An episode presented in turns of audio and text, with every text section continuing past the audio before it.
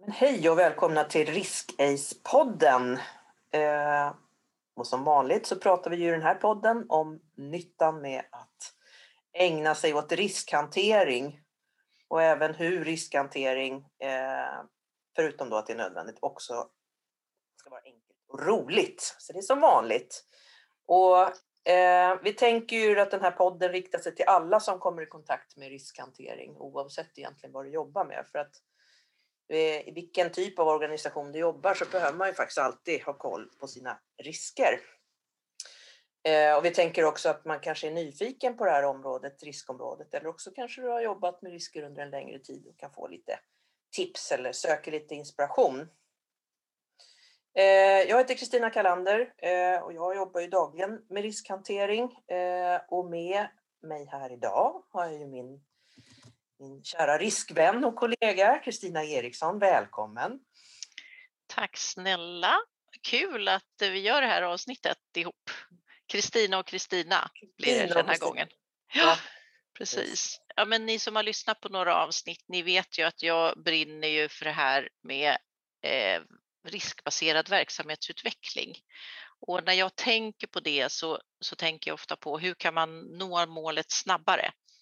Eh, i sin verksamhet genom att man tar bort saker som hindrar en och mm. jobbar mot det och fokuserar åtgärder på det. Just det. Mm. Ehm, så det är lite spännande. Så vad tänker vi att vi pratar i det här avsnittet då? Ja, men nu kan vi väl prata lite grann om det här med att vi ska göra vardagen lite enklare då. Det här med att man kan eh, liksom försöka jobba fram hur man vill analysera olika riskområden vid, vid flera olika tillfällen eller på flera olika enheter. Hur får man en struktur på den här i en organisation? Och vi brukar ju kalla det här för att vi jobbar med ett riskbibliotek. Eh, och skulle man sätta in det här med riskbibliotek i sitt sammanhang, vad, hur, hur tänker du där när man får in det här då i riskmanagementarbetet? Och jag tänker ju, eh, vi har ju pratat i, i de här avsnitten om att vi har tre steg inom riskhantering. Det första steget är att vi ska identifiera våra risker och mm. sen som steg två, med andra ord man vet vilka risker man har då. Och sen som steg två så skulle man analysera riskerna och så steg tre så måste du göra någonting åt dem, med andra ord du åtgärdar eller hanterar riskerna. Mm. Och det här med riskbibliotek, det tycker jag hör hemma i det första steget, i identifiera steget. Eh, jag mm. menar ett sätt att identifiera risker, det är ju på något vis att du tar fram dem bara, bara ad hoc eller alla får komma på vilka risker som man kan ha inom det här området. Mm. Men eh, ett annat sätt det är ju faktiskt att du har förutbestämda risker och det svarar på en fråga tycker jag som som vi får ganska ofta, det är så här, hur vet jag vilka risker jag ska analysera då? Mm. Eh, men, och då, kan, då tycker jag att ett riskbibliotek faktiskt kan vara en, en bra grej. Det eh, kan sätta en start och det kan hjälpa även en organisation som inte är så van vid att jobba med risker att komma igång. Mm. Eh, lite så kan jag tänka. Men eh, om man nu skulle bestämma sig för att man den här med, med att göra ad hoc-analyser med andra ord där alla tänker ut sina risker, det är inte riktigt metoden. Man behöver ett riskbibliotek. Hur gör man då mm. för att komma igång? Ja, men vad kan man, tänka sig? man kan ju först kan man ju utgå från liksom den verksamhet man jobbar i. Vissa verksamheter är ju, eller de flesta är väl det i och för sig, regel, alltså mer eller mindre regelverksstyrda. Och då kan det ju finnas ett regelverk som man kan titta i. Ett, här, ja, men här finns det olika kategorier av risker som man faktiskt måste gå igenom. Ehm, tar man bank och finans till exempel så, så finns det ju krav på vilka områden eh, som man behöver titta på. Och det kan man ju även om man jobbar i en annat verksamhetsområde titta på sådana typer, alltså få vägledning av de regelverken såklart.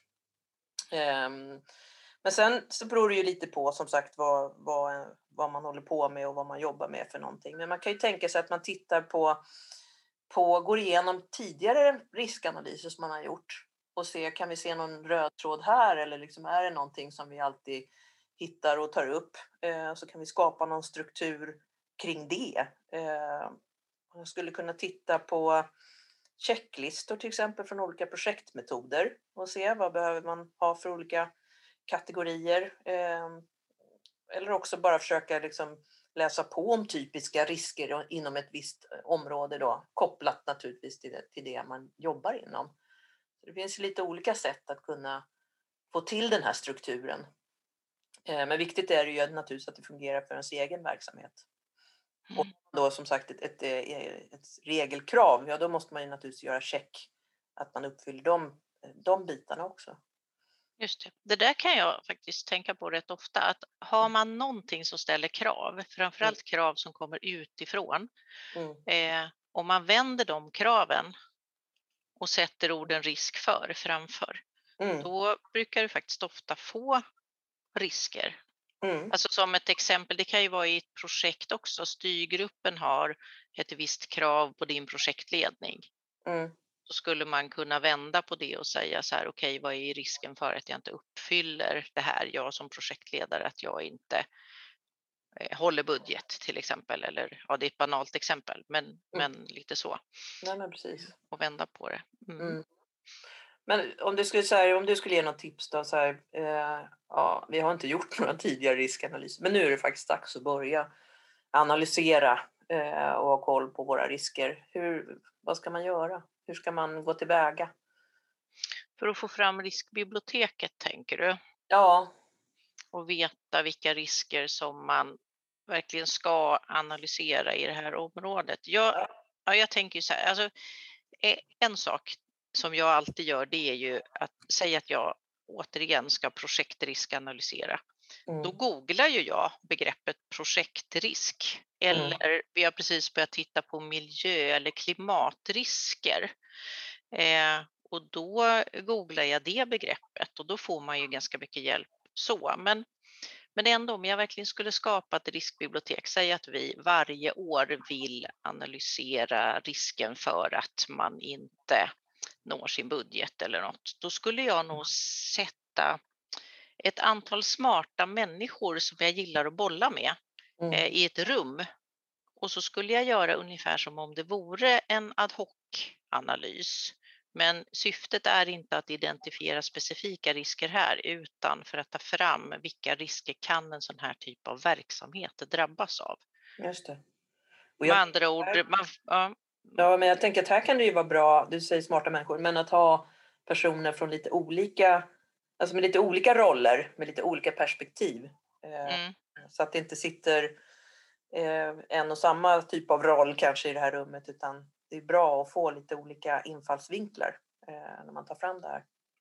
Just det, som andra ord, skulle du och jag göra det här jobbet skulle vi behöva komplettera det med några faktiskt ytterligare som kommer med helt mm. annan typ av, av kunskap. Mm. Jag tycker det är viktigt att man har verksamhetspersoner, eller både verksamhet och IT ofta. Mm. Eh, nästan oavsett tema, så jag menar allting som vi gör har ju ändå någon typ av IT-bäring. Men många riskområden, tittar man på informationssäkerhetsområdet till exempel, mm. där, där blir det så lätt att, att det klassas som en IT-fråga. Ja, och då tycker jag att det är viktigt att man får med verksamheten. Vad är liksom konsekvensen av att eh, vi får ett intrång till ja. exempel i det här. Hur drabbar det verksamheten? Jo, vi kanske inte kan fixa våra utbetalningar eller vi kanske måste stänga ner på Black Friday så att vi inte fick, en, mm. fick någon eh, intäkt under mm. den viktiga helgen. Eh, det där perspektivet behöver man ha med sig. Ja, ja men precis. Så det, det, den är bra tycker jag. Ta med ta med personer med lite olika typer av roller som jobbar lite olika delar i verksamheten. Då får man de bästa, alltså med lite olika perspektiv på tillvaron. Mm. Absolut, tycker mm. jag. Men finns det, vad finns det för fördelar och nackdelar då, tycker du om man jobbar med, med riskbibliotek kontra att du gör ad hoc-analyser? Ja, men jag tänker att för, först och främst så är det väl så att det, det, går ju ofta snabbare om du har en befintlig struktur att utgå ifrån. Eh, så, så, ja, som sagt, då är det kanske lättare för, för deltagarna att komma igång. Eh, det kan ju också vara så att när man nu samlat alla de här smarta människorna från olika delar att man, eh, man kanske inte är så eh, van vid, vid riskanalyser eh, och då kan ju ett sånt här riskbibliotek vara ett bra stöd så att man får till liksom en bättre kvalitet på de här workshopparna, de här analystillfällena. Och sen så i och med att då man har en och samma struktur eh, som man följer på sina riskanalyser så, så får man ju också en möjlighet att kunna liksom, jämföra resultat från analys till analys eller aggregera ihop analyser och mäta olika förflyttningar.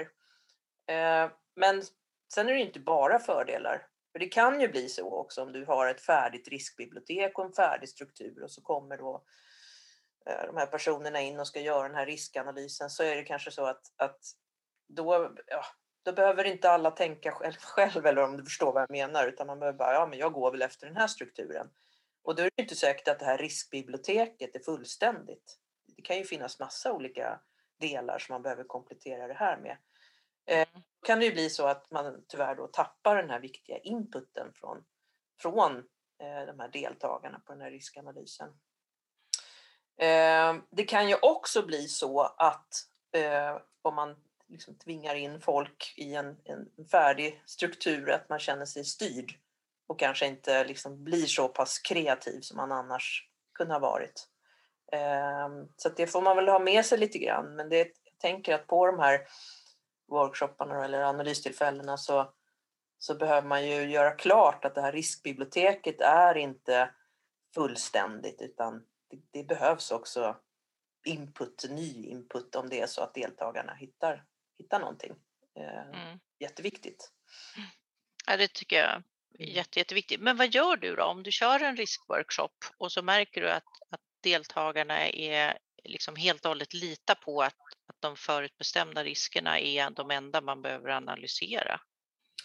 Nej, men jag tänker att då måste man ju ha en dialog med deltagarna att, att, eh, att som sagt det här riskbiblioteket är inte eh, fullständigt på något vis.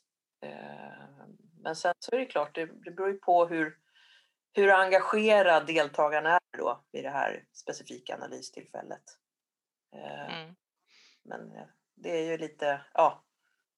Det är svårt att, att tvinga folk naturligtvis att göra, men jag, jag tycker oftast man sitter ändå i sån här typ av analys så är ju folk väldigt kreativa. Eh, och då kan ju det här riskbiblioteket vara en bra ram egentligen då för att komma vidare i tank, tanken. Mm. Jag startar en analys i, i veckan eller jag blev ombedd att leda en projektriskanalys. Nu var det relativt många deltagare, jag tror att det var så 12 eller 14 stycken.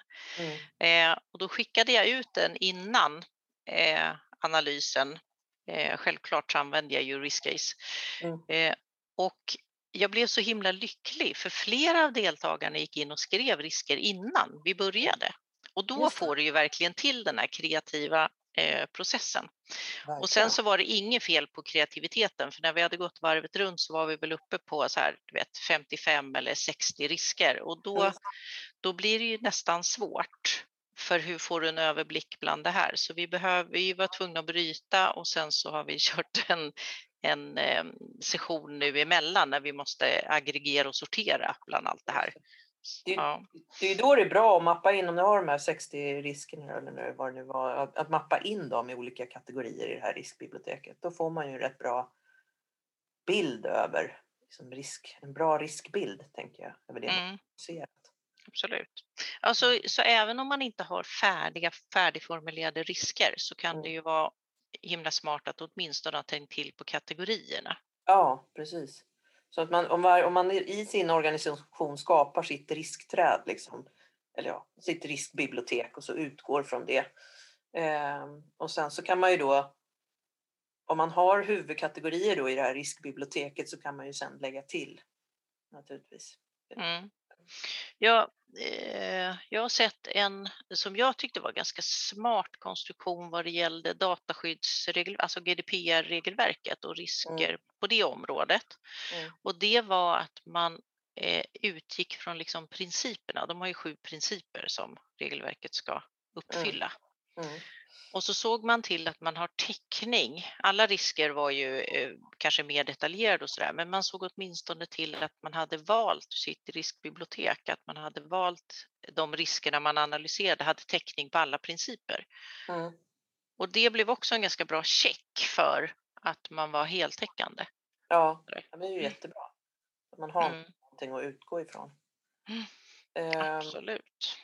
har du några andra såna här tips på vägen om man nu ska jobba med att ta fram ett riskbibliotek?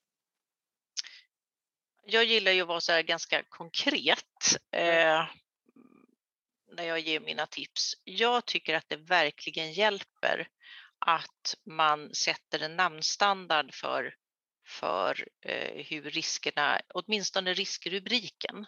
Mm. Så att, och, och då brukar jag alltid trumma för att första orden ska vara risken för att. Jag kan möjligtvis tumma på att det ska stå risken för och Mm. inte att. Men, eh, och sen det, det som man vill ska, eh, det ska handla om. Då. Eh, och det är för att man ska komma ihåg att analysera en risk och inte prata eh, åtgärd. Nej, för det är ju Därför. nej faktiskt. Ja, jättelätt. Och där går, där går jag fortfarande i fällan hela tiden. Eh, så. Det är väl mitt första råd kanske. Mm. Eh, sen så tycker jag att det är viktigt att man lägger eh, tid på att beskriva risken. Alltså Mm. rubriken är inte tillräckligt för då kommer man inte kunna jämföra resultaten sen efteråt om det är Nej. olika personer som ska analysera samma risker. Mm.